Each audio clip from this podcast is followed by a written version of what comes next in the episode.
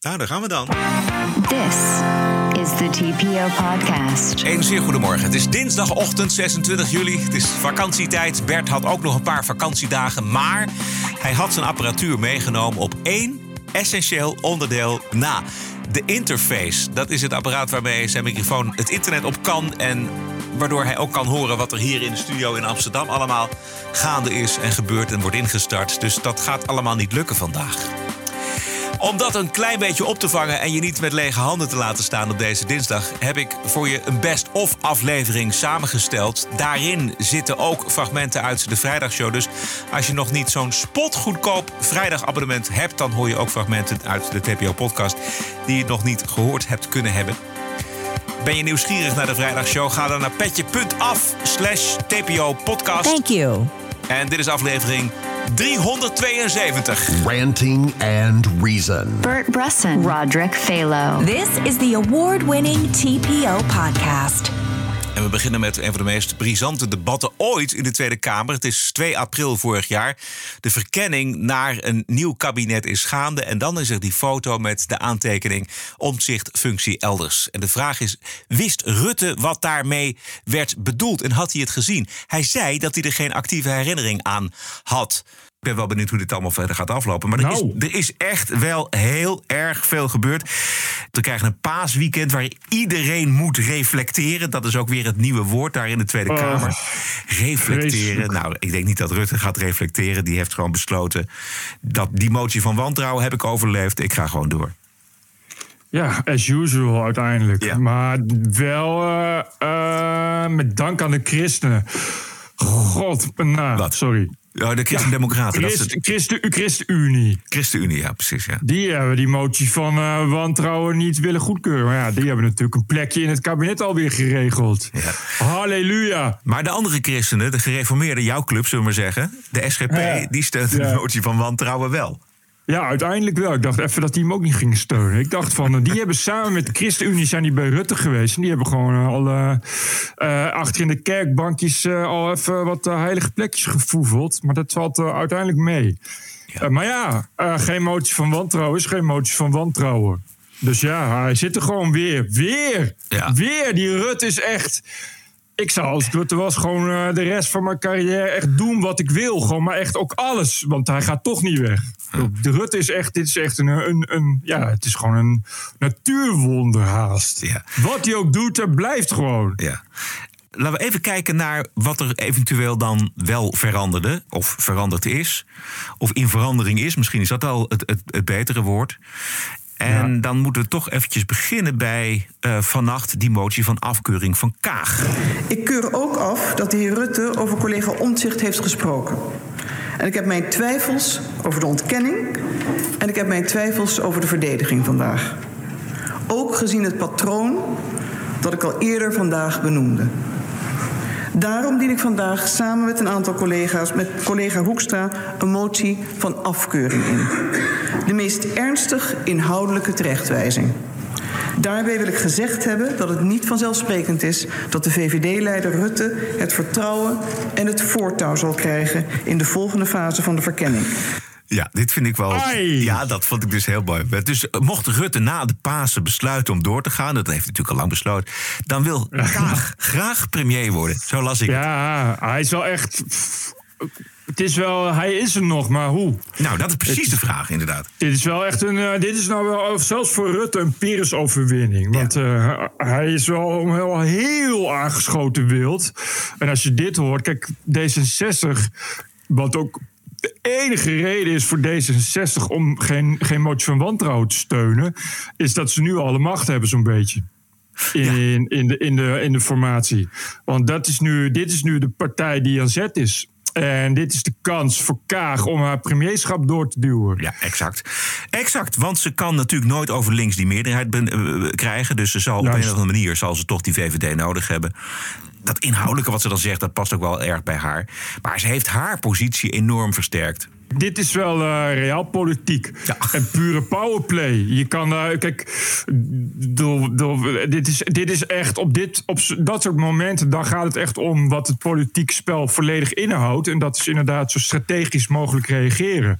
Uh, en dat betekent voor D66 dit, want de motie van wantrouwen betekent het einde van Rutte als premier. Dat, dat geeft eventueel ook de mogelijkheid voor Kaag om de regie te pakken en premier te worden, maar niet per se. Dat zou ook nieuwe verkiezingen kunnen betekenen. Of bijvoorbeeld dat de VVD Edith Schippers naar voren schuift als premier. Dus dan heb je, zijn er veel meer variabelen. Terwijl nu heeft zij alle macht in handen. Want Rutte weet dat D66 uh, hem nu uiteindelijk kan laten vallen. Daar hoeft natuurlijk niet zo heel veel meer voor te gebeuren nu. Dus D66 kan nu, ja, is feitelijk nu de partij aan de macht in Nederland. Ja. Ik denk dat dat uh, klopt wat je zegt. Um, even kijken ook hoe Rutte zich herpakt. Hè. Het kan best zijn dat hij, dat hij, als die formatie doorgaat en er komt een kabinet, dat hij zich een tijdje gedijst houdt en dat op een gegeven moment toch wel weer de oude Rutte is die we gaan zien. Ja. Toch eventjes een aantal opmerkelijke momenten uit dat debat van gisteren terughalen. Het begon natuurlijk allemaal met het opmerkelijke nieuws dat Rutte gisterochtend om half acht uh, opeens hoorde van een bron die hij niet wil uh, noemen en die we nog steeds niet weten. dat uh, omzicht wel in die notulen voorkomt. Is de heer Rutte vanochtend naar het verkennerskantoor gegaan om die mails te lezen? Of heeft hij op een andere manier kennis genomen daarvan? De heer Rutte. Nee, voorzitter, ik ben niet uh, vanmorgen naar uh, het verkenningsbureau gegaan. Ik hoorde vanmorgen om half acht via via uh, niet wat er verder in de stukken stond, maar specifiek over omzicht dat dat er zo in stond. Om half acht vanmorgen. Dit heer, begrijp ik niet helemaal. Dus, ja. Kunt u de heer Baudet, iets specifieker zijn wat er, hoe dit nou gegaan is? Vanochtend om half acht via via. Heeft u uw eigen gespreksnotities toen toegestuurd nee, gekregen? Niets toegestuurd gekregen. Ik hoorde om half acht vanmorgen via via. Ik kan die bron niet onthullen, dat is vertrouwelijk. Via via.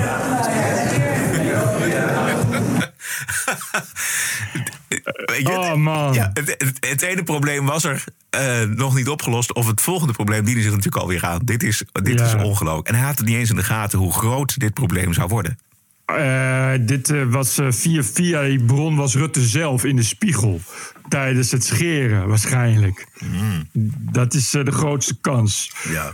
Ja, oh, Of je dat? kwam- Ja, ja, precies. Ja, dat. of het kwam tot hem in een droom. Maar ik ben heel bang dat die bron gewoon Rutte zelf is. Dat lijkt mij eh, meest voor de hand liggen. Ongelooflijk. Ja. Want inderdaad, kijk, hij heeft natuurlijk gezegd tegen de pers dat hij omzicht niet ter sprake heeft gebracht. En dat bleek uiteindelijk uit de notulen bleek dat allemaal wel. Ja, ik- Alles aan gedaan om het, om het geheim te houden. Dus ja. ja. Tussen 9 en 10 mochten wij zien wat er aan verslagen waren van die gesprekken. En dat is allemaal voor ons allemaal hetzelfde geweest. En nu horen wij dat hij om half acht vanochtend via via. Ja. Dus wat, wat gebeurt er dan? Een, Ja. een belletje of een sms'je? Je niet zeggen, dat is vertrouwelijk. Maar ik heb vanmorgen om half acht gehoord. Ja, vertrouwelijk. Dat er wel over Pieter Omtzigt was Maar van wie dan? Van wie dan? Ik, ik, wil heer toch Baudet, even. tot slot. Ja, nou, Dag, ik, ik wil de Kamer eigenlijk een ik vraag om. een- Ik wil graag een punt van orde maken. Dit is duidelijk dat eh, eh, Rutte dat niet als Kamerlid heeft ontvangen, die informatie. Hij heeft blijkbaar een andere positie dan wij allemaal. Terwijl hij hier staat als Kamerlid. En ook wordt aangesproken op gedrag. In de formatierol of verkenningsronde, dus ook als Kamerlid. Ik vind dit onacceptabel. Ja, Jezus, eh, je leeft in een bananenmonarchie of je leeft het niet. En dan eh, zul je dat ook krijgen. Dit is hoe het gaat. Kijk, liegen, liegen, liegen. Eh, spinnen, spinnen, spinnen, draaien, draaien, draaien. Dat is waar Rutte heel goed in is. Eh, en, en kijk, dit is het punt. Dit is eh, ook hoe je, hoe je, hoe je, hoe je powerplay kunt playen, is door eraan vast te houden. En te hopen dat er een meerderheid, zoals nu blijkt, daaraan meegaat. En eh, er is niemand uiteindelijk die je kan afdwingen om alsnog de waarheid te vertellen. Het is niet dat ze je kunnen martelen of zo. Dus het is een gok die je kan nemen. En hij heeft veel, veel verloren in gegokt. Hij heeft eerst gegokt dat het helemaal niet boven water zou komen. Hij heeft toch gisteren eh, toch, eh, een heel toneelspel voor opgevoerd.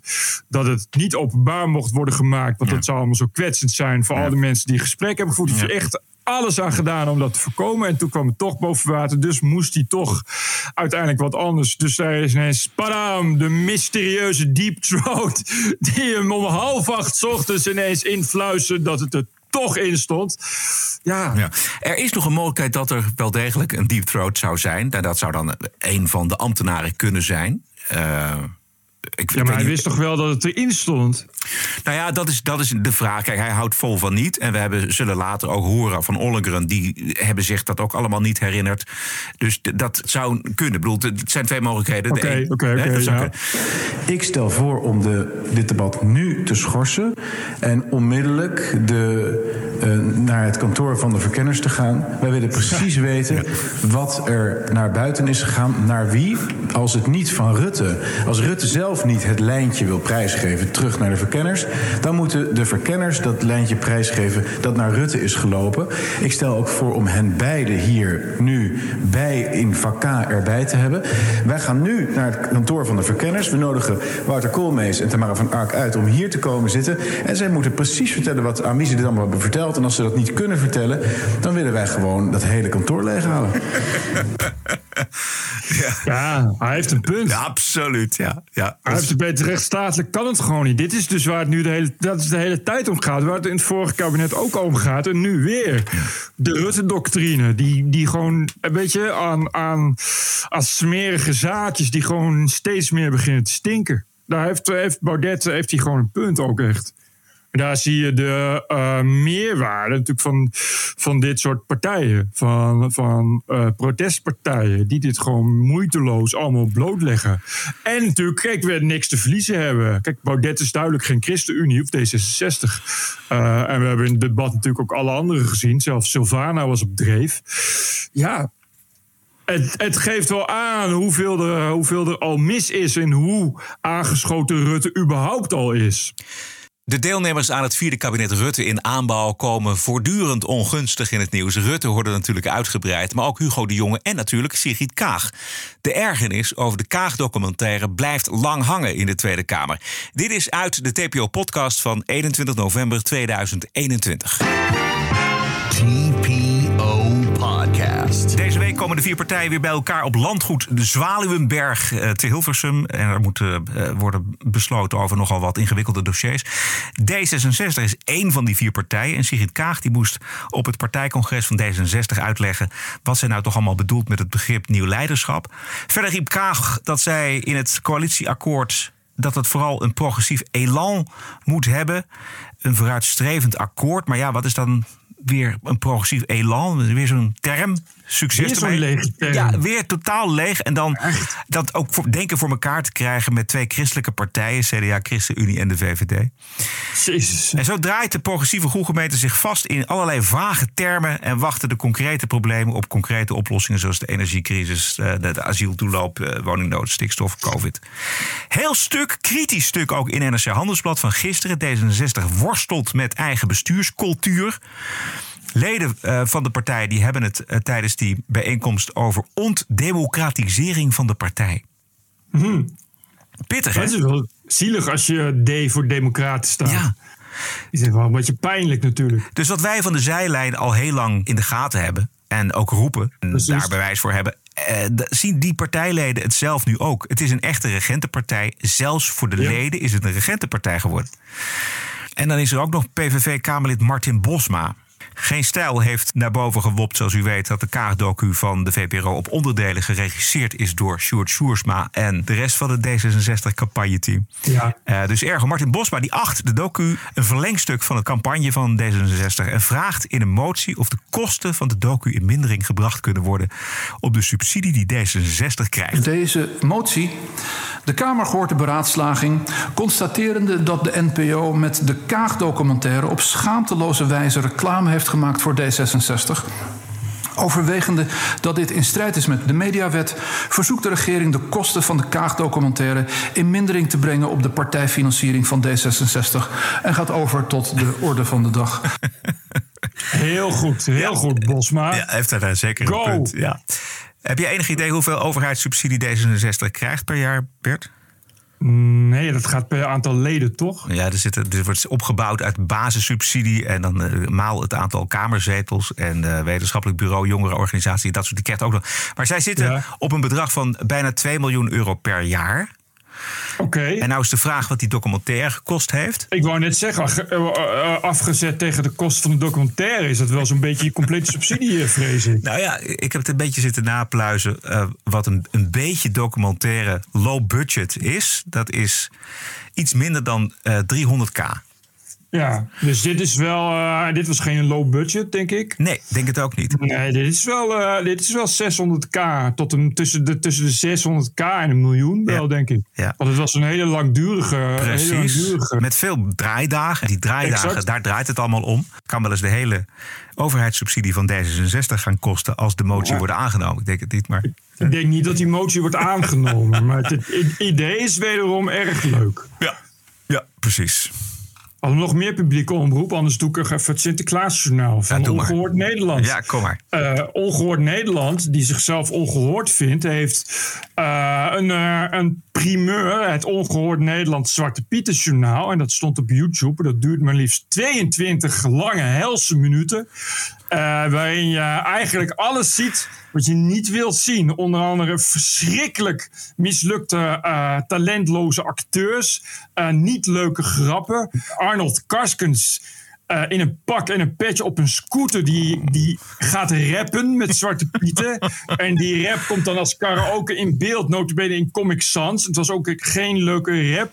Eh, een presentatrice die, ik zeg er maar vast even bij...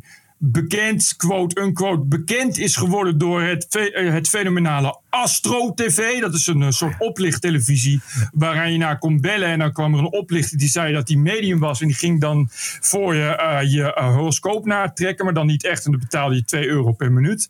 Deze, deze, de- deze presentatrice die werkt kennelijk ook voor eh, Ongehoord Nederland. En die moest een soort Diewertje Blok nadoen. Diewertje Blok is iemand die al heel lang heel veel dingen presenteert. En dat zie je ook wel een beetje terug. Als je naar Diewertje Blok kijkt, dat je denkt... hé, hey, dat is echt een mevrouw die je kunt inzetten voor een kinderprogramma. Die heeft een warme stem en een warme uitstraling. En een gevoel voor timing. En het is niet geacteerd, maar wel een beetje eigenlijk alles wat goed is... voor een kinderprogramma is Diewertje Blok. Nou, deze mevrouw heeft Astro TV gedaan en je raadt het nooit. Je had nou niet echt de indruk dat het een leuke presentatrice was voor een Zwarte Piet programma. En eh, nou, de rest van de uitzending ging eigenlijk over een soort, eh, ja, ik, ik, een soort pathetisch, diep droevige, jammeren om. Een soort, soort bedelen om te mogen worden uitgezonden, om te worden opgenomen in het bestel. En het was eigenlijk, eigenlijk 22 minuten. Ja, je zou het als, als een soort martelinstrument ook kunnen inzetten. Dat is mensen niet willen vertellen waar, waar, waar de gestolen goudstaven zijn. Dat je dan de hele integrale 22 minuten ongehoord Nederlands Zwarte Pieterjournaal moet gaan kijken. Dan wil je wel vertellen waar de goudstaven zijn. Ja, dat is toch, eh, zeg, nog, nog liever, eh, nog liever, eh, nog liever waterboarden. Maar Bert, wat een vooruitzicht, man. Wat een vooruitzicht Ja, straks als het was publieke omroep. horror. Horror. En het ik las zelfs de Telegraaf schreven knetter negatieve, negatieve recensies. Gewoon helemaal afgefakkeld. Nou, als je door de Telegraaf wordt afgefakkeld als eh, rechtse zender... dan weet je toch wel een beetje dat je het, eh, dat je het verbruikt hebt. Ja. Eh, ik vind sommige dingen die zijn misschien wel goed om ongehoord... en vooral ook ongezien te blijven. Het zou dan een goed idee zijn om dat dan te bedenken... waarom je eigenlijk ongehoord Nederland heet. Nou... Daar hebben we nu wel een beetje een idee van gekregen. Daar zit ook wel een beetje een idee achter dat dat ongehoord bleef. Denk je zelf ook niet?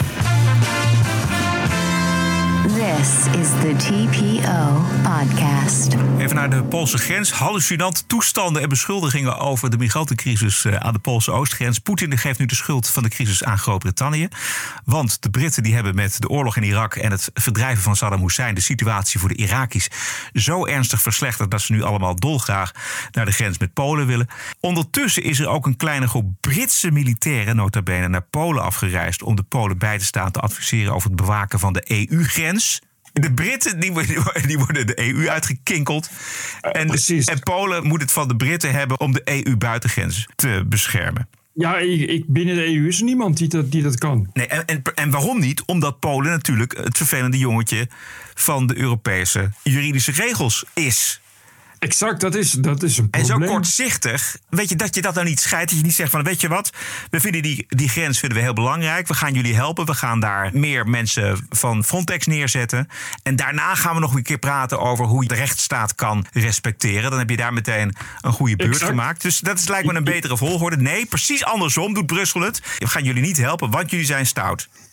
Het je zou denken, het is crisis. Weet je, dan moet Ja. je toch. Het, het, is- het is ook jouw buitengrens. Precies. Je kan wel van alles van Polen vinden, maar het is nog steeds jouw grens. Juist, Dus ja. exact. Het is onze grens Maar ja, ook. Ja. ik weet ook niet of, of Eu- Europa wel de expertise in huis heeft die de Britten in huis hebben. De Britten zijn natuurlijk al, eh, al 2000 jaar een eiland met alleen maar buitengrenzen. Dus ja, Ja, maar goed, de Fransen en, en, en Duitsers die moeten dat toch ook eh, kunnen. Volgens mij is het gewoon politieke onwil.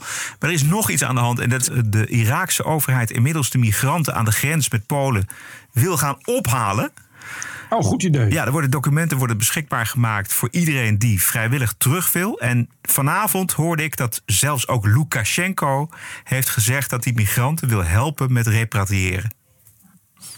Eh, ja, maar dat zijn mensen die vrijwillig, dat zijn er niet zoveel. Nou, ik. dat vraag ik me af. Want de, de situatie is daar zo rampzalig. In Calais zit ook nog steeds, eh, ja, dat kan bestaan Ja, dat niet is meer, waar. maar die, Ja, ja. die zitten bij weer en wind zitten ze in de hoop ooit een keer op een vrachtwagen te kunnen springen naar, naar Engeland. En eh, Ja. bij, in Lesbos zitten ze ook nog steeds met z'n tienduizenden, al jaren. Ja, nee, dat is, heb je gelijk. En dat, dat zou, Dus- het kan, voor een aantal kan het lang duren. Maar ik vond het wel opvallend dat, het nu, eh, dat de, de terugtocht ook is ingezet bij een hoop mensen.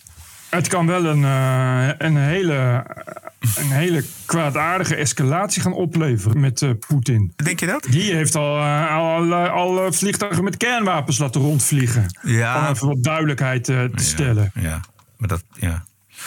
Ja, dat is, eh, hoe serieus neem je dat? eh, kun je vragen. Maar goed, dat Lukashenko nu al zegt van... ik ga mensen ook de mogelijkheid geven om terug te keren. Eh, Hij is Het wel is een draai aan het maken nu op dit moment.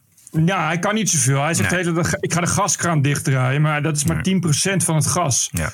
En eh, wat ik ook begreep, is dat hij dat helemaal niet zomaar kan doen. Dat moet hij aan de Russen vragen. Ja, en het is helemaal niet, niet per se likely dat die Russen daarmee akkoord gaan. Nee. Want die willen gewoon gas verkopen en niet Precies. stoppen met gas verkopen. Alleen Lukashenko zo vervelend is. Ja, Eh, maar dat is dus maar, eh, maar echt tien, een, een percentage van het gas. Dus die Lukashenko kan wel zeggen: ik ga Europa droogleggen. Maar het, eh, hooguit wordt de gasprijs iets duurder. Maar goed, die was al duurder. Dus ja. Oké. En een kwaadaardige confrontatie werd het uiteindelijk. Dit was een fragment uit de TPO-podcast van 15 november 2021. Je luistert naar een aflevering The Best of de TPO-podcast. Het is aflevering 371. Twee keer per week de TPO-podcast op dinsdag en op vrijdag. Twee keer per week Ranting and Reason. al vijf jaar lang op dinsdag voor noppes. En dat blijft ook zo. Maar de vrijdagshow is nu exclusief voor leden. Voor 4 euro per maand of 40 euro per jaar. De TPO-podcast. Twee keer per week en maar één keer betalen. Elke week de vrijdagshow voor maar 4 euro per maand. Keep the show running. Ga naar petje.af slash TPO-podcast. Om zijn versie van de coronacrisis nog eens onder de aandacht te brengen, schrijft FVD-leider Thierry Baudet een boek. En dat heet Het Corona-bedrog. En om dat boek te promoten, schuift hij aan bij Robert Jensen. Maar al die mensen hebben dan nog niet waarschijnlijk het gesprek gezien tussen Robert Jensen en, en Thierry Baudet. Ja, of, of juist wel. Dat is een beetje de makker bij FVD. Dat alles waarvan jij en ik denken. Nou, als de mensen dat weten, zullen ze wel niet op FVD stemmen. Als de mensen dat weten, dat zijn juist mensen die dan juist op FVD gaan stemmen. Ja. In de vrijdagshow afgelopen vrijdag hebben wij beloofd iets te laten horen uit het eh, wonderlijke gesprek tussen Robert Jensen en eh, Thierry Baudet. Ter promotie van zijn boek Het Coronabedrog. Wat vooral opvalt is het esoterische karakter van het gesprek, waarin Jensen de rol van een soort nieuwe Jomanda aanneemt. Jomanda Jensen. Ik heb, eh, Bert, misschien te veel, maar het, is echt humor. Nee, Eh, al het is humor. Oké, goed, gaan we luisteren. Zie het als satire, dan kun je het luisteren. Ja, oké. Dit is echt een vraag en die gaat psychologisch wat meer. Wat, die, wat deze gasten, deze kwade krachten in de wereld, wat die kunnen doen, en dat kunnen ze al heel lang doen. En daar zijn ze ook trots op. Hè. Zij zeggen: wij kunnen politici dingen laten zeggen die wij willen dat ze zeggen. Nou, en, en, en dat is een soort van techniek, een psychologische techniek. Ze hebben natuurlijk ook zeg maar, de media, dat speelt daar een grote rol in, die, die in hun klauwen zit. Maar hoe zie je dat? Je hebt er zelf dan, je kan bijna naar jezelf ook kijken op dat moment. Waarom ging je daar, waarom, jij, jij die zo slim was, als je ziet ook in, het, in, de, in de hele klimaatdiscussie, dat heb je zo doorprikt. En daar zit je, weet je, daar zit je zo sterk in, en andere dingen ook. Hoe kan het dan psychologisch dat zoiets als dit, dat zelfs jij in eerste instantie, en natuurlijk, je bent, eh, hè, je, je hebt het van jezelf lange ingezien, vraag. maar het is psychologisch om interessant. Hoe gaat, wat Ja. gebeurt er? Wat Ja. gebeurt er? Ja, het is bijna wanhopig. Wat gebeurt er? Wat gebeurt er? Het is, dit is echt GGZ-radio, hè? Dit is, je hoort hier echt... Die gast is gek, echt. Het is niet eh, echt een specifieke vraag, maar meer denk ik in algemene zin gewoon van wat gebeurt er? En het antwoord van Baudet op wat er gebeurt is dit. Ik denk dat bij mij een eh, bewustzijnsvernauwing ontstond die te maken heeft met angst. En ik ben daar weer uitgekomen. Maar ik was eh, korte tijd niet goed in staat om nuchter naar de feiten te kijken. En dat had niet alleen te maken met angst voor de dood, want dat heb ik eigenlijk niet zo sterk gehad. Maar wel angst voor de, voor de maatschappij. Angst voor mijn positie in de maatschappij. Ijdelheid dus ergens. Ja, toch best interessant. Goh. Het universum. Je verwacht het niet. Nee, het, het universum schudde op zijn grondvest. De feiten waren niet meer als zodanig zichtbaar. En Baudet zegt dat die periode volgens hem dus kort duurde. Dus die is al afgelopen, wat hem betreft. Het gaat Baudet niet zozeer om de feiten, want anders kun je ook eigenlijk niet van het ene complot naar het andere zweven. Maar het gaat om bewustwording. Ik hoop dat eh, dit boek, maar ook gewoon wat- wat je doet met je show en wat er nu gebeurt in Nederland, voor heel veel mensen wel een soort bewustwording is. Waardoor er, een, ja, het klinkt een beetje zweven, maar een hoger Nee, niveau, nee, een dieper niveau van eh, bestaan wordt geopend. En, maar dat gebeurt en, dat, is massaal. Het is, het is goed hoe je dat, eh, hoe je dat inderdaad eh, omschrijft. En het is ook zo'n leerzame tijd. Maar in- weet je, je, kan, je kan veel leren over jezelf en over hoe dingen echt zijn. En dat is een confrontatie, maar dat is zo'n verrijking. En het is ook de hogere. Ja, ja dit klinkt zweverig, maar het is de hogere energie. Waarop we moeten gaan leven. En dat, dat is de enige manier om hier uit te komen. En niet om je naar beneden eh, te laten slepen. En, eh, en, eh, dat, dat, dat, is, dat is niet. Zo kom je er nooit uit. Ik, wat een geraaskal. Heer Jezus, ik heb echt... Er is geen touw meer aan vast te knopen ook op een gegeven moment. Hogere energie. Goeie, hè? Eh, Robert Jens over hogere energie. Waar, waar zijn we toch in aanbeland, Ja. in godsnaam? Ja, het is echt ongelooflijk. Hou op, alsjeblieft. Het is, het is niet te harde, dit soort onzin. En uh, luisteren dus, ik weet niet hoeveel mensen naar. Het is toch niet te geloven allemaal? Ja. Er is ook nog een moment dat Baudet toegeeft te twijfelen aan de maanlanding. Dus, dus dat er mensen op de maan zijn geweest, dat gelooft hij volgens mij niet. Dat, dat, dat is leuk dat je dat zegt, want daar dus ook al die tijd, dus bijvoorbeeld de maanlanding, hè, ontzettend veel vragen bij te stellen. Ik zou die beurt Leuke even niet opentrekken op dit moment, eh, Thierry. eh. Nee, maar wat- ik geef je even vriendelijk advies. Maar ik ben het helemaal ik- Oké, maar wat ik bedoel te zeggen, eh, ze hebben ons zo onder druk gezet de afgelopen twee jaar. Ja, ze. Ze. Ik wou net zeggen, ja, ze. Weet je, wie zijn ze? Waar, waar heb je het dan? Dit, dat is, dit is echt, echt, dit is echt, ja, dit is echt iemand, ja, je zit hier gewoon in, in iemand live naar iemands psychose mee te luisteren. Ze hebben het is gewoon niet normaal. nee, deze twee die hebben het voortdurend over ze. En dat is natuurlijk Ja. ook de beste aanspreekvorm voor de tegenstanders in algemene zin in hun complotten. De- je, je- je- je kan, je kan altijd verwijzen naar ze. Wie zijn ze? Dat is de grote vraag. Elke keer als ik die mensen ook zie, dan, die mensen. dan voel ik in mijn lijf, dan voel ik gewoon. Ai. Ik voel iets naars. Ik voel iets. Ze hebben de wa- Ah, dit, dit is bijna echt zielig. Dit is toch Jomanda? Dit is, dit is, Ja, maar- wat is dit voor sessie? Ah, man? voel het omgekeerd. Dit is echt heel zielig. Je hoort hier gewoon eigenlijk iemand die in geestelijke nood verkeert. En het punt is een beetje dat eh, normaal als mensen dit soort shit raaskallen... dan zeg je van nou, misschien moet je maar even een keer toch met iemand gaan praten. En eh, een nachtje in een cel met zachte witte wanden... zodat je niemand kan beschadigen. Maar dit is... En die Jensen is, is, is natuurlijk een... een dubieus individu die dit soort dingen uitmelkt en uitmelkt. Ik, ik weet niet of hij een businessmodel heeft, volgens mij ook niet zoveel, maar ik neem aan dat hij gewoon wel donaties krijgt en dat soort dingen. En, je, en je ziet hier een heel nieuw, nieuw iets ontstaan. En dat is echt, echt eh, wat, wat vroeger nog verward was, is ineens een businessmodel geworden. Ah, Een- dit, dit- dit zijn natuurlijk dit zijn de esoterische mensen die geloven in. je, vroeger had je zo'n boek dat heette. eh, waren de. Eh, Waren de goden cosmonauten van. Erich von Ja, Daniken. Zo de mythes zegt. Nou goed. En zo zijn er natuurlijk een hele stapel boeken en ideeën en films eh, gemaakt. Die, van mensen Nee, ja, die, maar- die, die op zoek zijn naar antwoorden. En dat is ook het mooie van dit gesprek. Ze, ze kunnen niks met de feiten. Dus daarom wordt het wolliger en esoterischer en kosmischer. Kan het bijna niet. Alleen in die omgeving kun je natuurlijk je verhaal, wat het ook verder is, kun je staande houden. Ja, dat is wel inherent aan verbonden. Dat je uiteindelijk in, inderdaad in, in een soort transcendent gelul eindigt. Omdat je, je natuurlijk niet. eh, er zijn verder geen, geen, geen houvasten meer waaraan je, waaraan je kan optrekken. En je, je zit, kijk, het probleem is in, dat in dit soort, dit soort bizarre dialectiek kom je inderdaad alleen maar eh, tegen alleen maar een soort van eh, abstracte ideeën tegen. Dus dan kom je op ze. En die mensen en, en, en de anderen. Maar dat blijft per definitie zweverig. Omdat het natuurlijk niet. eh, Het valt niet aan te wijzen. En het, is heel erg, het wordt heel erg bepaald door wat hij eh, eh, op dat moment ook voelt. En, en dat is natuurlijk een- een, een wereld van, van hem tegen de rest van de wereld. Dit, is, dit is gewoon een soort fluïde concept geworden. Van ze, want iedereen is in te ruilen voor ze. Ja. Iedereen, en, dat is, ja. en dat is dus, de vijand is een soort, de hele omgeving wordt een soort vijandig, bijna organisch geheel. En, en dat is precies wat het zo ziekelijk maakt. Nog eens een klein stukje? Ze hebben de waarheid omgekeerd. En dat voelt echt zo naar. Die omgekeerde waarheidwereld die ze gecreëerd hebben.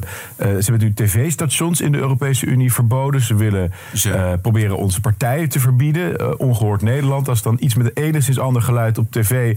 dat wordt ook nu weer aan banden gelegd. Wilden ze eigenlijk überhaupt niet op tv uitzenden. Ik geloof in die menselijke spirit dat ze krijgen de echte mensen die gaan voor vrijheid en die dat gevoel hebben, krijgen ze er niet onder. En ze, maar dat ze het gaan proberen, absoluut. En vrij snel al. Ze hebben een val gelegd of gemaakt voor je.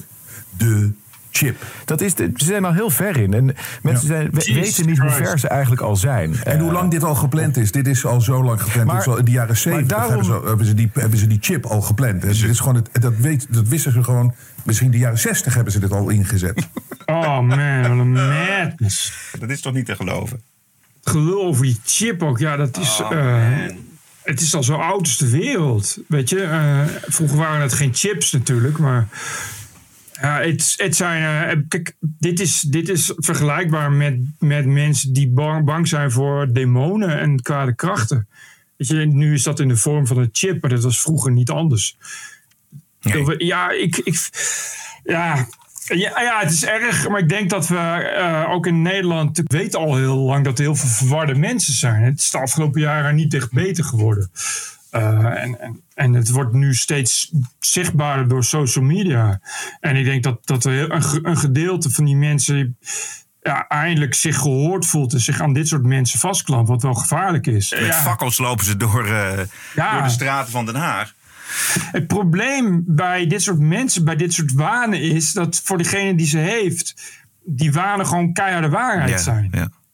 Dus het, het is niet, ik- wij lachen erom omdat we, omdat, we, omdat we niet aan die wanen lijden. Maar die mensen die er wel aan lijden, die, voor hun is het gewoon echt. En voor hun eh, is, is elke dag ah, oorlog en is elke dag een strijd tegen levensgevaarlijke machten. Weet je, dat moet je niet, moet je niet onderschatten. Maar ik vind wel dat dat soort mensen hulp verdienen.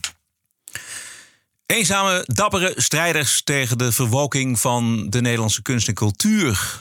Zo moeten we, denk ik, Kirak zien. Eh Kirak is Stefan Ruitenbeek, Kate Sina en Tarik Sadouma. Begin mei vorig jaar was er weer van alles te beleven op de Rietveld Academie in Amsterdam. De Amsterdamse Rietveld Academie. Ooit een vrij gevochten plek voor beginnende kunstenaars, maar al enige jaren een met woke dogma's dichtgetimmerde kleuterschool. Het nieuwste verhaal betreft een studente die ooit een groepsverkrachting heeft meegemaakt. En met dat trauma een kunstproject in gang wilde zetten. En daar werd, dat haar verboden door de school, door de docenten daar op die school. En wel hierom. Omdat het niet goed is voor de sfeer eh, en de vibe en de energie op de academie, nog in het klaslokaal. Het is mijn persoonlijke ervaring, het is mijn persoonlijke fascinatie. Waarom moet ik mezelf tegen gaan houden omdat bepaalde mensen het niet aankunnen? Ja, dit is eh, Maria en Maria is de student. Het was een item eh, gisteren bij Poont. En, maar het speelt al enige tijd. En zij wordt gesteund door een ex-Rietveld-student, Kirak-regisseur Stefan Ruitenbeek. Ik vind het heel erg. Ik vind het heel erg voor Maria dat ze de film niet mag maken. En ik vind het heel erg dat cancel culture die school aan het overnemen is. Ik ben hier oud student. Het was een fijne plek voor mij en het wordt gewoon helemaal verziekt. En daar gaan we nu een einde aan maken. Juist. Ja, dat meisje is, eh, heeft een trauma. Uh, dat is ooit verkracht. Uh, en daar wilden ze als, als kunstproject... wilden ze daar dus iets van maken. Ik geloof iets met video. Dus, dus haar, haar trauma's verwerken in haar kunst. Dat lijkt me een goed idee. Want dat is een beetje waar kunst voor is, zou je denken.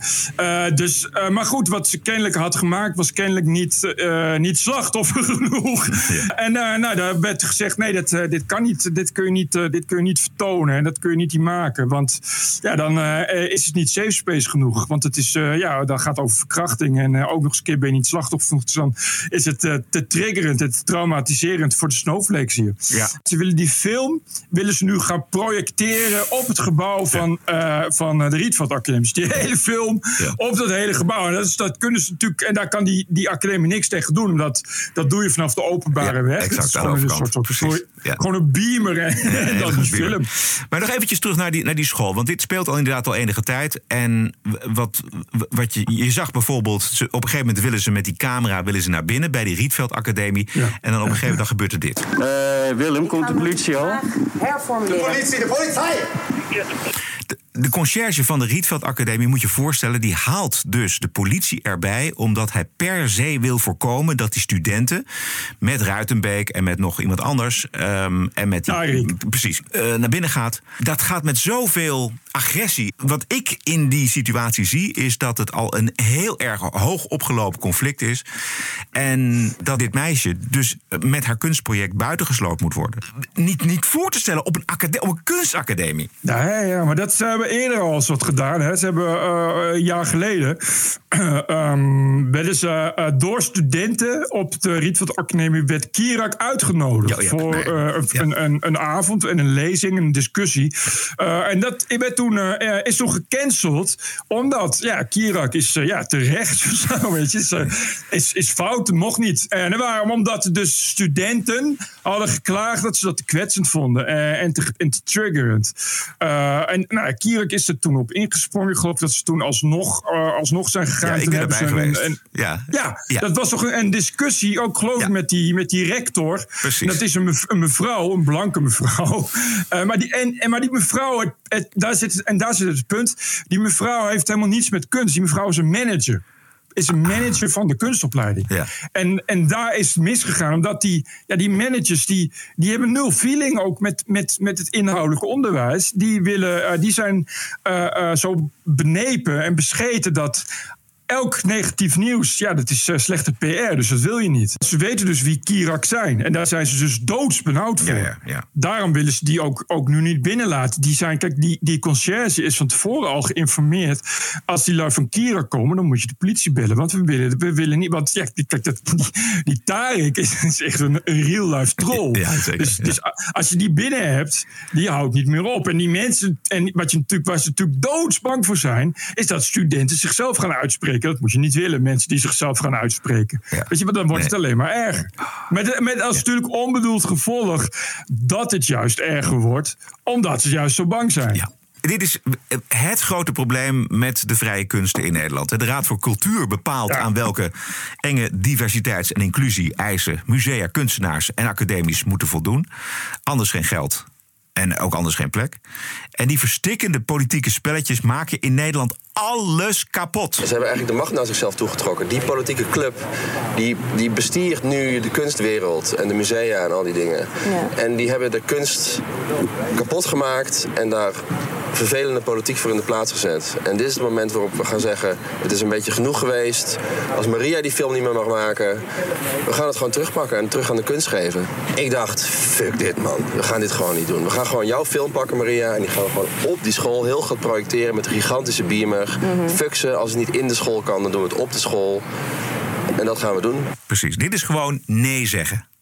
Ja, en dit is, dit is dus kunst. Hier, kijk, hier had het om moeten gaan. Dit wat Stefan doet is dus kunst. Dat is nou een kunstenaar. Dat je. eh, Rebelleert tegen de, tegen de gruwelijke dogma's, wat conformisme. Dat je rebelleert tegen de macht. Dat je, en dat je zegt: oké, als, het, als, het, als het dus niet kan, dan ga ik zorgen dat het wel kan. Want met kunst kan dat. Daar was dus kunst voor bedoeld. Dat ik met kunst die mensen bereik. En dat ik die mensen dus ergens over laat nadenken. En dat je dus de mensen nu laat nadenken over wat er gaande is in Nederland. Namelijk dat er sprake is van een politiek correcte woke-dictatuur. Eigenlijk zou het internationaal zou het, zou het ophef moeten zijn. Dat, dat zo'n prestigieuze kunstopleiding als de Rietveld Academie. Want dat is het. Als je vroeger van de Rietveld Academie kwam. dan eh, was je in elk geval als kunstenaar eh gezetteld. Want je had Rietveld gedaan. Dat je over de Rietveld dus geen kunst meer mag maken. Ja. Over Kirak dus en de Rietveld Academie. Sinds begin dit jaar is de Walkweek verhuisd naar de vrijdag. Voor de mensen die de Walkweek missen zijn uiteraard van harte welkom op de vrijdag via petje.af slash TPO podcast. En dat klinkt zo. I was offended and I have rights. TPO Podcast. You're an adult. Grow up. Deal with it. I don't care. care. Heel veel mensen tipten ons over het genderneutrale kaartspel. Nou. Eh, dat, soort, dat soort tips zijn van harte welkom, want zo houden we elkaar op de hoogte van eh, alle gekte. Dank voor de tips. Info.tpo.nl is ons adres, dus vooral blijven tippen. Een mevrouw van 23 uit Voorburg ontwierp een kaartspel zonder heer, zonder vrouw en zonder boer. In veel kaartspellen is het zo dat de heer is meer waard dan de vrouw. Je wint vaker potjes ermee. In poker win je meer geld met de heer. En ja, daar wilde ik van wegstappen. Ik dacht, dit kan niet meer in deze huidige maatschappij. Ik Dit kan niet meer in deze huidige maatschappij. hoor vaak van, eh, oh ga eens wat beters doen. Dit is toch zo'n klein probleem.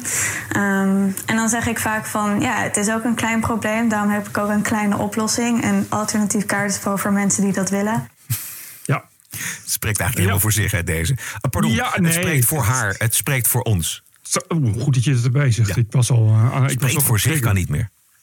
Ja, ene, ene Indie studeert psychologie en eh, wil, heeft kennelijk niet zo heel veel te doen. Dus ja, dan moet je problemen zoeken. Ik vind het goed. Ik heb er ook een leuk artikel over geschreven. Ik vind het heel goed dat eh Indie dit doet. Want het is inderdaad, nou eigenlijk dat hele kaartspel zwaar kwetsend. Het wordt ook gesproken in het kaartspel over boeren, wat agrariërs moeten zijn. Eh, het is natuurlijk, natuurlijk alleen maar blank. Ik heb nog nooit, eh, nog nooit een zwarte boer of een zwarte aas of een zwarte heer gezien. De vrouwen dragen geen hoofddoekjes. Vind ik ook al ontzettend stuitend. En ik heb uitgezocht. En nu blijkt dat bijvoorbeeld schaken. Dat is echt helemaal een poel des verderfs. Daar heb je het echt over wit begint. Weet je, nou, dan, dan weet jij wel, dan weet jij wel hoe het zit. Als je de, de hele eh, zin afmaakt, dan is het wit begint, maar zwart wint. Eh, dat lijkt me niet de bedoeling. Dat lijkt me absoluut niet de bedoeling. Nou ja, het, het verpest de hele aanval op het schaakspel als racistisch eh, spelletje. Nou, het is in elk geval seksistisch. Want ook bij het schaakspel is het eh, de koning en, eh, en de dame die daar ondergeschikt is. Even terug naar het kaartspel. Eh, de Bridgebond ziet geen probleem en ziet het ook niet gebeuren. Ik heb nooit het probleem gehoord dat mensen eh, problemen hebben met heer, vrouw, boer. Nee, nog nooit gehoord. Gisteren heb ik er voor het eerst van gehoord. Ik zie het in, in, in, in mijn bridgesport niet gebeuren dat we de kaart gaan veranderen van goud, naar goud, zilver, brons. Het vergt enorm veel werk, omdat je het in de hele wereld tegelijk moet aanpassen. En we hebben ontzettend veel literatuur waar we het over aas, heer, vrouw, boer hebben. En dat is gewoon eh, ja, praktisch onuitvoerbaar om dat eh, allemaal te gaan veranderen. Nou, dit is een reportage van Editie NL. Nog een ander dingetje. Op het ministerie van Economische Zaken en Klimaat kan er echt binnenkort etnisch geprofileerd worden. Want ambtenaren kunnen op een interne portaal hun etniciteit registreren. Op de HR-pagina van het ministerie staat letterlijk, en dan lees ik voor.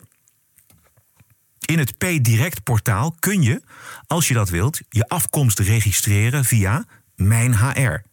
Via Mijn persoonlijke gegevens. En dan kom je uiteindelijk uit bij diversiteitsgegevens. en zo houdt het ministerie voorlopig nog alleen op vrijwillige basis bij welke rassen en achtergronden er allemaal op het ministerie werken. We zijn eh, echt nu eh, aan, het ras, eh, aan het ras noteren. Nou ja, het is nu nog vrijwillig. Je kunt het dus vrijwillig doen. Maar het is wel de bedoeling dat de HR-afdeling dat allemaal in beeld heeft. Van wie welke kleur, hoeveel van wie welke kleur er op het ministerie werkt.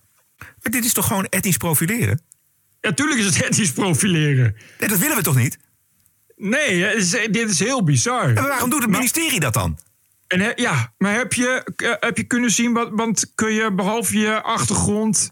Wat, en, nou, huidskleur zal wel niet, maar dat zal wel dan, dan, dan achtergrond zijn. Of hoe wordt het ge- geformuleerd? Ja, ik kom niet in die portaal, dus ik weet niet wat, wat je allemaal Nee, misschien wist je het, maar... Wat kun je ook je religie en, en seksualiteit en zo... kun je het allemaal, allemaal, allemaal opgeven? Dat weet ik niet, maar dat, dat lijkt er wel op. Ik vind het best wel nieuws. Welk ministerie was dit? Het ministerie van Economische Zaken en Klimaat. Oké, dat klimaat geeft het wel een beetje, geeft het wel een beetje weg. Nee, maar de, ik... ik eh, Wauw, zou ik zeggen. Dit verdient verder onderzoek eigenlijk. Ja. Het is heel raar om dit te doen, toch? Ik kan het wel even eh, toesturen. Ja. Goed. Ik had ook nog één. Oké, vertel. Of tenzij jij nog hebt. Nee, nee, nee. Eh, dit is ook in de Volkskrant. Raar, je zou haast denken dat het een identiteitskrant is, die Volkskrant. Het is een eh, opinieartikel van ehm, eh, iemand die heet Nan van Houten. Eh, ik zeg even alvast erbij dat Nan van Houten is een vrouw in de babyboomerleeftijd. Nan van Houten is blank. Nan van Houten is werkzaam in de culturele gesubsidieerde sector en is afgestudeerd theaterwetenschappen aan de UvA. Dit is even belangrijk, zodat je ook weet wat er straks gaat volgen. Want Nan van Houten doet in een uitgebreid opinieartikel... eh, gebaseerd op het feit dat de NVJ zich recent heeft uitgesproken tegen Aquasi... omdat hij laptops had gejat en een journalist probeerde te bedreigen... vindt Nan van Houten niet alleen dat de mensen niet zo moeten zeuren... omdat Aquasi nou eenmaal een veel groter slachtoffer is... maar ook dat eh, journalisten voortaan meer op kleur moeten gaan selecteren. Ze schrijft, ik citeer... Ik denk dat het hoog tijd wordt dat witte journalisten zich bewust worden van de raciale verhoudingen als ze iemand van kleur interviewen. Dat ze eens rekening gaan houden met de onevenredige effecten die elke uitspraak van een geïnterviewde op diens leven kan hebben. Oftewel, als je een blanke interviewt als blanke journalist, dan hebben die effecten nooit onevenredig impact op je leven. Maar als je een zwarte interviewt of iemand van kleur, dan moet je milder zijn en moet je meer rekening houden met wat er gebeurt. Selecteren op huidskleur. Hoe noem je dat nou toch ook alweer? Je, eh, aan de ene kant willen ze geen racisme, maar aan de andere kant doen ze wel aan racisme. Maar Het is verschrikkelijk. Het is echt, dit is, dit is, dit is woken wordt het gewoon niet. In de TPO-podcast op vrijdag, de Wokweek. Ook in de wiskunde valt nog genoeg te decoloniseren. Het absurdisme. You're an adult, grow up, deal with it. De terreur. Everything woke turns to shit. En het verzet ertegen. This cancel culture is gonna end, end, end. De Wokweek in de TPO-podcast op vrijdag. Juist.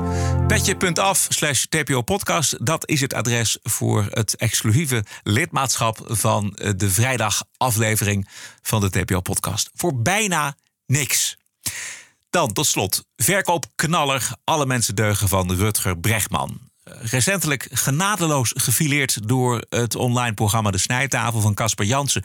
Samen met docent Simon Burgers. Inhoudelijk rammelt het betoog van Bregman aan alle kanten. Citaten kloppen niet, context van uitspraken worden genegeerd. Het boek zit vol met aannames die worden gepresenteerd als waarheden. En Bregman die lijkt gedreven door een religieuze dwang om de wereld te redden. Dit is de epiloog, dus het nawoord, dat in het boek wordt gepresenteerd als de tien geboden. 1. Bij twijfel, ga uit van het goede. behoorlijk riskant. Er zijn zeker gevallen waarbij je bij twijfel beter uit kan gaan van het goede. Maar er zijn ook gevallen, David Hume indachtig, waarbij je beter uit kan gaan van het slechte.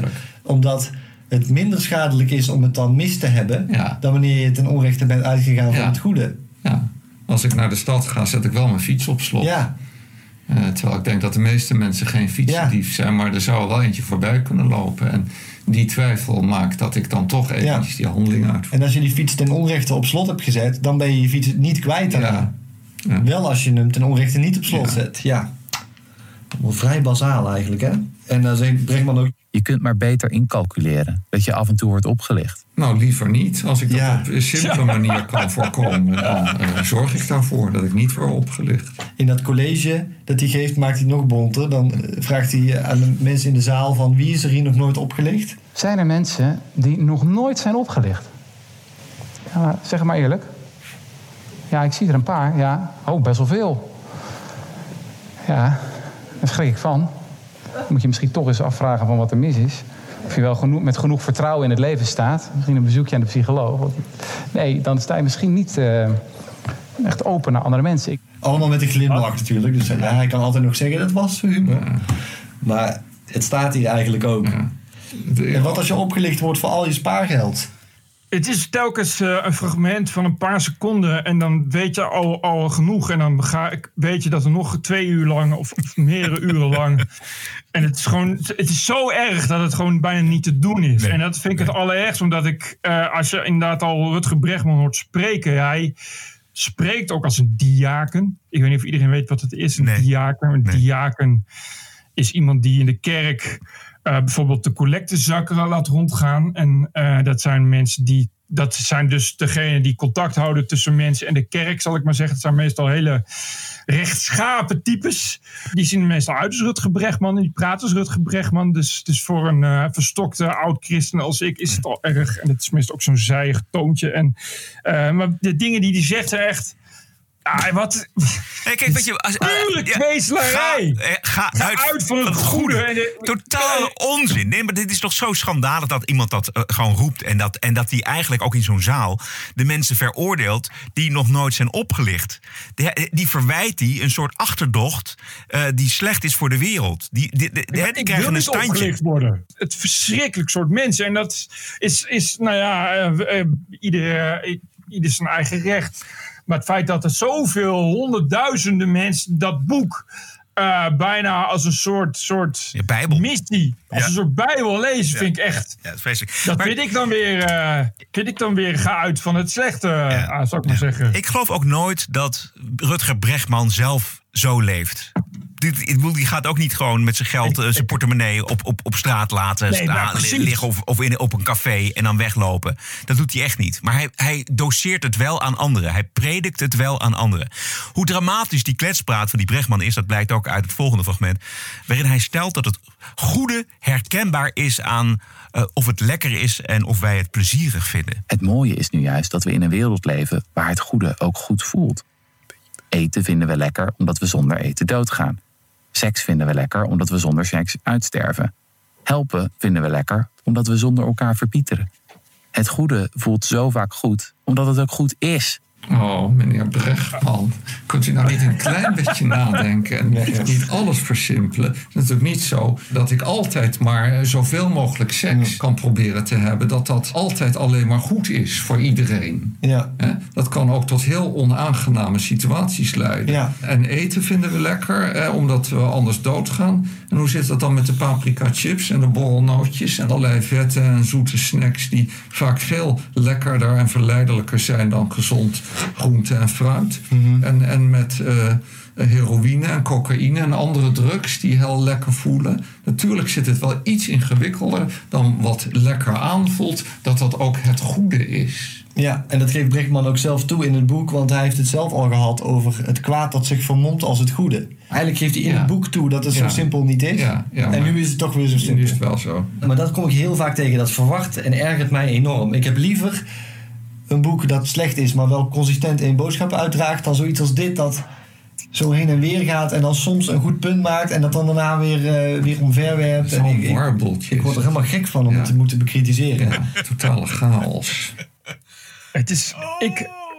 Bij mij eh wakkert het ook allemaal oude trauma's aan, merk ik. ik had, eh, als je Rutger Bregman hoort, dit is echt. eh, eh, vroeger had je bij de EO. Eh, van dat soort kinderprogramma's. De EO Kinderkrant en zo. Dat is die, die man met die bril. Jan. Dat is zo'n, zo, ja, precies. Zo'n heel bekende, zo'n bekend I- eh, EO-icoon. Eh, en tegenwoordig valt het wel mee. Maar vroeger was het heel erg wat, wat de EO voor kinderen maakte. Dat was dan inderdaad heel zijig. En dan leerde je dat je je ik moest onttronen voor Jezus. Pure propaganda. En dat hoor ik hier heel erg in terug. Ook precies hetzelfde met dat vreselijke, rare, lijzige toontje.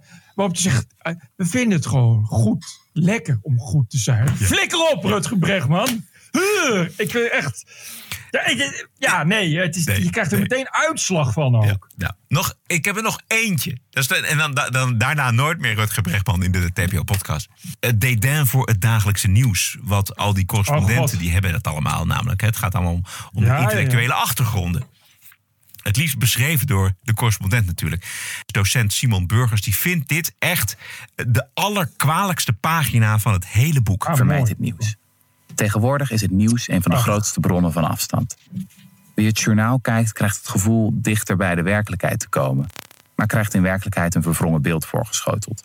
Bovendien zoomt het nieuws in op uitzonderingen en dan meestal op de rotte appels.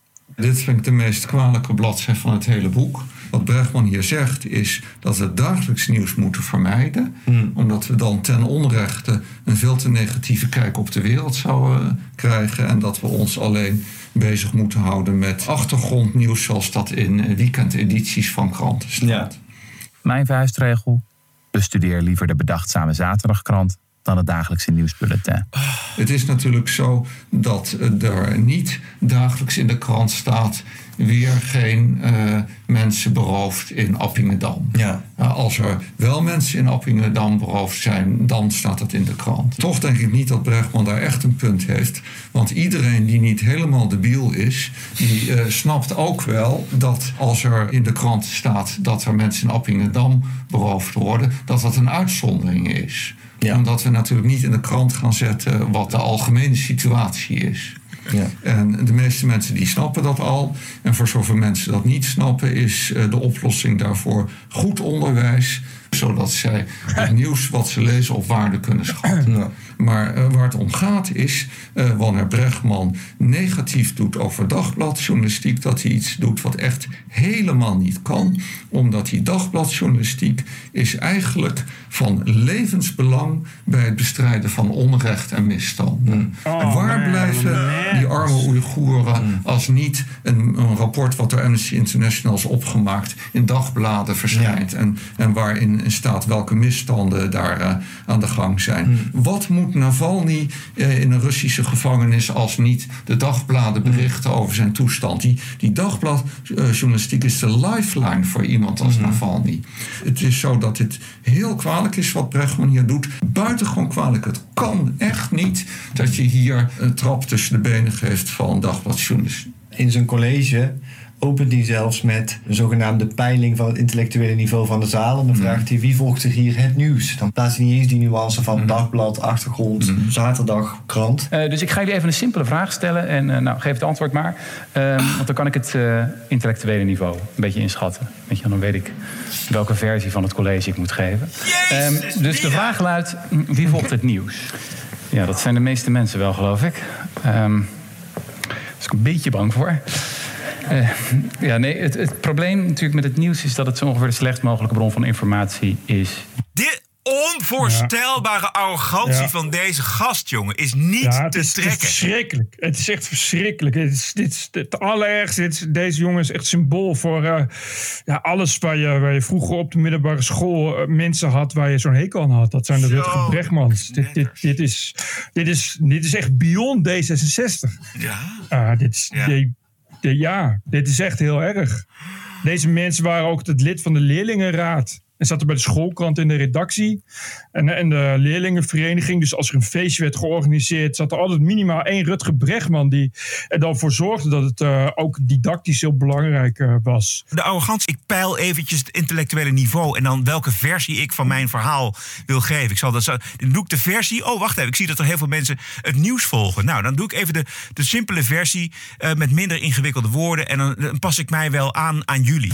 Je gaat daar dan niet voor betalen, man. dat is dus het erger. Er zijn dus een paar honderdduizend mensen die... Laat zich die, die- gewoon. Die, nou ja, het Rutger Bregmans woord gaat erin als godswoord in een ouderling. Dus het, het is echt de messias voor een gedeelte. En die hele wind ook van constructieve journalistiek komt echt uit die hoek. Het is echt, komt echt uit de hoek van de correspondent. Die, de adjunct hoofdredacteur die heeft dat eh, heel erg eh, doorgezet destijds. En Rutger Bregman doet dat. En Rob Wijnberg. Die zegt dat ook. Die wil, vindt eigenlijk... En dat vindt, vindt een groep, een hardcore groep van deze ideologie, vindt dat ook. Dat je bepaalde nieuws, ja, dat moet je eigenlijk verbieden om dat te brengen. Omdat anders de wereld er slechter van wordt. Dus, dus dan raak je al aan censuur. En ja, dat past natuurlijk in elke secte en elke ideologie krijg je dat. En dat is wat deze mensen ook vinden. Als je maar de mensen de juiste dingen vertelt, maar vooral de juiste dingen weglaat, dan wordt het een paradijs. Zij vermommen zich als journalisten. Maar het zijn zendelingen. Ze willen gewoon... Ja, heel erg. Dat is het, ja. Het allerergste is dat dit gelovigen zijn. Dus ze geloven in een einddoel, een betere wereld. Die, Rutger Bregman is er ten diepste van overtuigd dat er een perfecte maatschappij kan bestaan. Mits je mensen niet meer elke dag het nieuws laat lezen. En mits mensen niet uitgaan van het slechte. En dat als ze worden opgelicht, of verkracht, of vermoord.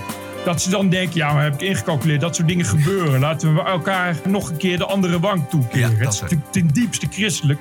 En dat is natuurlijk gevaarlijk, omdat het alles wat uitgaat van een absolutisme is gevaarlijk. Tot zover deze Best of aflevering 372. Aanstaande vrijdag weer een gewone actuele TPO-podcast. Sluit je aan en ondersteun ons. De vrijdagshow is voor iedereen beschikbaar op petje.af slash TPO-podcast. Nog geen 50 cent per aflevering. Dan spreken we elkaar vrijdag weer. Stay cool en tot vrijdag. TPO Podcast. Bert Bruson, Roderick Balo, Ranting and Reason. It's going to end. This indoctrination and hatred towards our police officers, this systematic racism and cancel culture is going to end. End. End. Podcasting is the TPO podcast in the Netherlands. Bert and Roderick. What a show. I'm telling you. Keep the show running. Go to tpo.nl slash podcast. Thank you.